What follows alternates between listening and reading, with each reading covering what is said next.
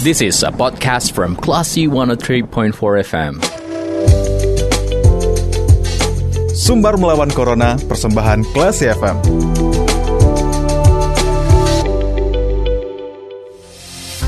empat Kelas FM, this is the actual radio. Kelas People, saat Anda mencermati sumber melawan Corona, persembahan radio Kelas FM bersama Sidita Indira. Nah, Kelas People, kemarin ya merupakan hari pertama dimulainya um, proses belajar mengajar tetap buka di Kota Padang dan tentunya ada satgas yang memantau pelaksanaan prokes di sekolah tersebut agar bisa berjalan dengan baik dan lancar. Nah, untuk mendapat konfirmasi bagaimana perkembangannya, kita sudah terhubung dengan Kepala BPBD Kota Padang, ada Bapak Barlius. Kita sapa dulu. Assalamualaikum Pak Barlius. Ya, Assalamualaikum warahmatullahi wabarakatuh. Waalaikumsalam warahmatullahi wabarakatuh. Apa kabar Pak? Sehat Pak? Baik, Alhamdulillah baik. Alhamdulillah. Sehat. Nah Pak, terkait dengan um, uh, proses belajar mengajar yang sudah dimulai tatap muka nih ya Pak ya. Ini uh, sepandangan Bapak dan juga tim gitu ya, bagaimana pelaksanaan prokes belajar mengajar tetap muka di Kota Padang nih Pak? Ya, yang uh, kita kan uh, kemarin itu hasil review, hasil uh, uh, uh, penilaian dari Kementerian Kemen, uh, Kementerian dalam Kementerian Menko Perekonomian Erlangga Hartarto ya. Mm -hmm. Kemarin kita zoom uh, uh, kita uh, sudah uh, bagus dari segi penurunan uh, penurunan COVID-19. Mm-hmm. Artinya positif rate kita sudah uh, rendah sekali. Mm. Angka harian kasus orang Padang terpapar COVID sudah uh, uh, puluhan bahkan sudah satuan. Artinya mm-hmm. sudah satu digit seperti kemarin hanya dua, tiga, lima orang yang terpapar hmm. ya. Nah, kemudian angka kematian kita juga nol, artinya uh, sangat rendah sekali angka kematian kita. Kemudian angka sembuh kita juga sudah bagus. Artinya uh, di rumah sakit uh, sekarang ini hanya beberapa saja lagi yang masih dirawat ya. Kemudian tempat isolasi kita juga sudah uh, sepi ya. Sudah tutup yang di rumah lain sudah ditutup, tidak ada lagi yang perlu diisolasi. Jadi uh, kemudian Pemko Padang berinisiatif ya, untuk melaksanakan pembelajaran tatap muka mulai tanggal 4, tanggal 4. Hmm. Tetapi kemarin datang lagi uh, instruksi mendagrinya bahwa kita uh, masih kategori level 4 ya, hmm. kategori level 4. Jadi uh, apa? Uh, ini akan dievaluasi lagi uh, Pemko Padang uh, tentang pembelajaran ini, bagaimana polanya. Yang penting sekarang kita tahap uh, vaksinasi. Jadi anak SMP ke sekolah dalam tahap vaksinasi. Nah, kalau anak eh, SD sudah mulai mengenal gurunya kemarin, sudah mulai pembelajaran apa, mm-hmm. tapi dengan siswa yang sangat terbatas sekali. Jadi uh, nah kita me, me, menyesuaikan lagi nih, ya, karena kita masih kategori level 4 ya. Kita menyesuaikan lagi untuk PBM ini seperti apa ya. Artinya kita uh, tidak melanggar dari uh, apa dari uh, instruksi Mendagri yang terakhir ini. Mm-hmm. Ya kenapa kita uh, berinisiasi untuk melaksanakan pembelajaran tetap muka? Karena anak-anak kita sudah lama sekali tidak uh, belajar tetap muka dengan gurunya gitu. Mm, yeah. nah, jadi belajar daring itu sangat tidak uh, sangat tidak produktif dari segi uh, pembelajaran uh, karakter karena uh, karakter itu tidak bisa didaringkan karakter itu harus di di apa dipahami kemudian dilaksanakan misalnya karakter kebersihan karakter sopan santun dan sebagainya mm. jadi ini makanya uh, kita berinisiasi untuk uh, memulai pelajaran tatap muka secara bertahap.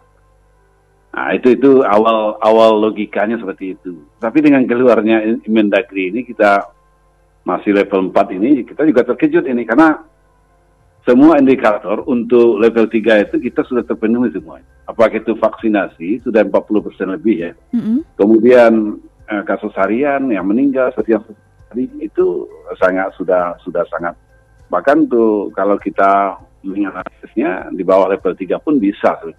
Hmm. Tapi oleh ya, kementerian masih level 4. Pertimbangan-pertimbangan lain ya dari Menko, dari Mendagri ya mungkin ada pertimbangan lain. Ya kita sampai tanggal 18 masih kategori level 4 ya. Jadi ini kita yang perlu sampaikan jadi maksud tatap muka yang kemarin ada edaran dari Dinas Pendidikan mm-hmm. itu akan kita revisi ulang apakah, apakah uh, uh, kita apakan kita kurangi atau gimana ya. Jadi uh, yang jelas itu dari dari masyarakat, dari apa, dari orang tua siswa, termasuk termasuk komite sekolah, mm-hmm. itu sangat mengingini artinya sekolah dibuka kembali itu tatap muka. Ya syaratnya itu vaksin, makanya kita menggiatkan vaksin ini.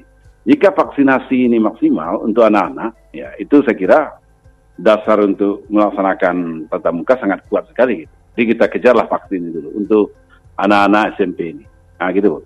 Baik, dan berarti kan ada akan ada penyesuaian uh, aturan PBM ya Pak ya? Dalam akan ada penyesuaian. Nah ini um, akan di, ya. hmm, akan dipantau dalam berapa waktu rencananya ini Pak? Ya kita kan BPBD memantau ke sekolah bagaimana protokol kesehatan. Hmm. Ternyata hmm. bagus sekali protokol kesehatannya. Anak-anak untuk vaksinasi sangat hmm, sangat hmm, bersemangat sekali kan. Hmm. Untuk vaksinasi tahap kedua ini, nah SMP. Di sekolah kan vaksinasi. Jadi um, kita uh, akan pantau setiap saat ya pelaksanaan ini. Hmm. Uh, jangan sampai menimbulkan klaster baru kan itu. Iya. Yang intinya jangan menimbulkan klaster baru. Jangan sampai upaya kita untuk mata rantai ini kebablasan. Kan itu intinya. Baik. Berarti sejauh ini belum ada temuan ya Pak ya yang melanggar prokes di sekolah ya? Ya sekolah belum ada. Saya lihat itu. Cuma ada anak yang pulang sekolah karena mereka tidak ada pengawasan ya. Kalau mm -hmm. di sekolah kan ada pengawasan. Mm -hmm. Yang rentannya ketika pulang sekolah itu mereka bersama-sama bermain karena mereka sudah lama nak jumpa dengan temannya gitu. Mereka mengobrol, duduk-duduk nah, di warung. Nah itu yang barangkali. Baik. Nah, uh, nah ke depannya apakah ada skenario khusus Pak untuk mengantisipasi um, anak yang kumpul-kumpul karena pulang sekolah gitu Pak? Ya, jadi uh, uh, mengantisipasi anak-anak untuk tidak kumpul-kumpul itu, hmm. itu bagian tugas kita termasuk uh, Sapo PP ya hmm. di Kota Padang untuk me melarang anak-anak kumpul. Kita juga me mengharapkan, hmm. sangat mengharapkan partisipasi masyarakat ya. Baik. Kalau anak-anak kumpul-kumpul, nah itu diingatkan mereka adalah orang terdidik yang harus memberikan contoh kepada masyarakat. Ya, bagaimana pakai masker, itu tidak uh, kumpul-kumpul, ya, tetap menjaga jarak gitu. Jadi mengingatkan, namanya anak-anak selalu diingatkan. Nah, hmm. Itu yang penting Uh, karena anak-anak kita ramai sekali ini kalau di sekolah ramai gitu kan jadi 40 ribu lebih itu anak-anak kota Padang yang yang akan bersekolah 45 ribu jadi um, peran serta masyarakat itu sangat kita harapkan untuk mengingatkan para siswa untuk protokol kesehatan gitu. Baik, nah ini misal ya Pak, misal kalau kedapatan nih sekolah yang tidak uh, menjalankan prokes, apakah ada sanksi nantinya Pak? Ya, kalau di sekolah memang kita berikan sanksi teguran, lisan, tertulis, atau ada sanksi yang lebih keras lagi kalau memang uh, ada suatu kesengajaan ya tidak mm, menggunakan protokol protokol kesehatan. Mm-hmm. Jadi sejauh ini guru-guru kita yang di sekolah itu cukup memahami, sangat memahami. Mereka orang terdidik semuanya, tentu mm-hmm sangat memahami bagaimana dampak dari pandemi COVID-19 ini yang sudah tahun kedua ini. Ya, jadi eh, kalau guru-guru eh, di sekolah itu ya kita yakin itu sangat paham dengan protokol kesehatan. Cuma anak-anak ini, ya, anak-anak ini, jadi anak-anak kalau guru-gurunya patuh terhadap protokol kesehatan, anak-anak pasti meniru. Gitu. Hmm. Meniru, gitu.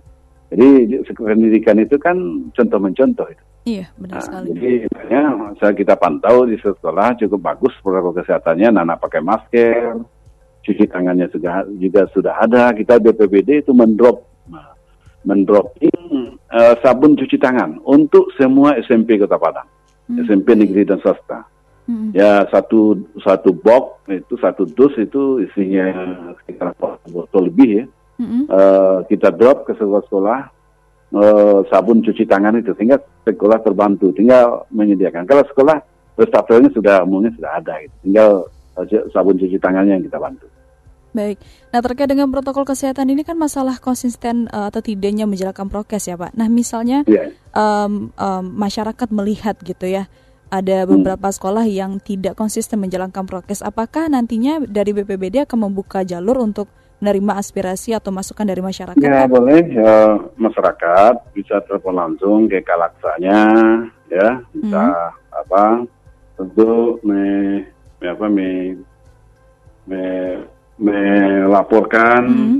ya uh, anak-anak yang tidak pakai uh, masker gitu. Hmm, baik. Oke, berarti ya. terbuka untuk uh, masyarakat ya Pak ya, untuk saling bekerja terbuka sama gitu ya? masyarakat, ya. ya. Zaman keterbukaan informasi ini, uh, kita juga mengharapkan uh, masyarakat itu berpartisipasi untuk uh, memberikan informasi yang, yang valid ya kepada hmm. kita, BPBD Kota Padang, eh, bagaimana pelaksanaan protokol kesehatan pada saat-saat ini dan seterusnya.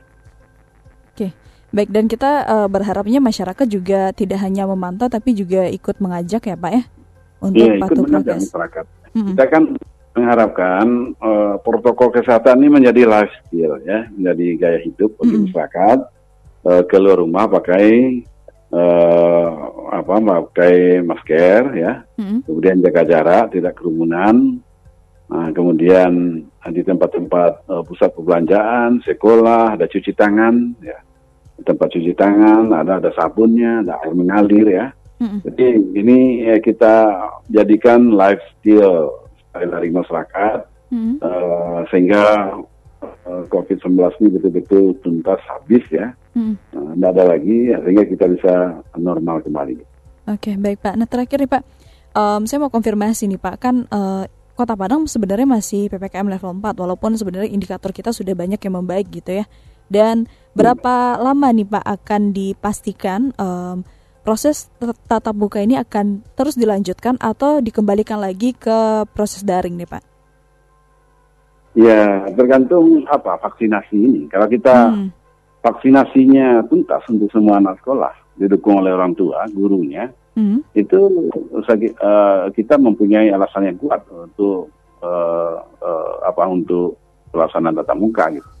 Hmm. Ya, jadi uh, kita tuntaskan uh, vaksinasi ini uh, untuk masyarakat Kota Padang sesuai target, ya sehingga uh, anak-anak sekolah ini gurunya sudah vaksin sehingga uh, terbentuk kekebalan kolektif ya sehingga uh, pembelajaran itu walaupun sudah vaksin kan tetap pakai masker juga. Mm -hmm. Jadi uh, ini yang perlu kita kejar dulu vaksinasi. Oke, okay. baik berarti sejauh ini masih bisa dibilang menunggu kebijakan dari pusat juga untuk lebih lanjutnya ya berarti ya Pak? Iya, ini kan berlakunya sampai, sampai tanggal 18. Mm. Tapi biasanya setiap kali itu dievaluasi ya, dievaluasi oleh uh, uh, Kementerian Kemendagri ya, hmm. dievaluasi oleh uh, Satuan Tugas Penanganan COVID-19 dan Pemulihan Ekonomi Nasional di bawah pimpinan Menko Perekonomian Pak Erlangga Hartanto. Hmm. Ya, jadi uh, mudah-mudahan uh, pekan depan kita sudah membaik ya, sudah hmm. semakin membaik. Kita sudah baik ya, cuma yeah. kita uh, berharap semakin membaik gitu, semakin lebih membaik lagi dari sekarang. Hmm. Ya, itu selama vaksinasi ini. Amin. Dan um, kita juga saling bekerja sama ya Pak ya. Semoga sampai per 18 besok sudah dapat hasil yang lebih baik dari yang sekarang sehingga tatap muka ini yeah, bisa iya, iya. dilanjutkan yeah. gitu ya. Iya ya. Kita juga mengharapkan masyarakat tetap mempertahankan pakai masker walaupun positif rate kita sudah rendah, ternyata harian kita juga sudah rendah, tetap kecil sekali kita tetap pakai masker. Artinya, mm. Jangan uh, me, merebak lagi ya, meninggi lagi kasusnya. Oke, baik Pak. Terima kasih Pak, kami sudah dapat poin-poin informasinya dan terima kasih sudah meluangkan waktu bersama Radio Kelas FM ya, Pak. Ya, ya. Semoga masyarakat ya, bisa bekerja sama. Selamat melanjutkan aktivitas Pak. Ya, sama-sama. Ya, terima kasih. Assalamualaikum warahmatullahi wabarakatuh. Waalaikumsalam warahmatullahi wabarakatuh. Baik Kelas People, itu dia obrolan kita bersama dengan Kepala BPBD Kota Padang Bapak Barlius terkait dengan peranan Satgas dalam memantau pelaksanaan prokes di sekolah khususnya di Kota Padang. Kalau gitu saya Dita Indira kita ke program selanjutnya. Terima kasih. Anda sudah mencermati program Sumber Melawan Corona. Cermati podcast obrolan ini di www.classyfm.co.id atau download aplikasi Classy FM.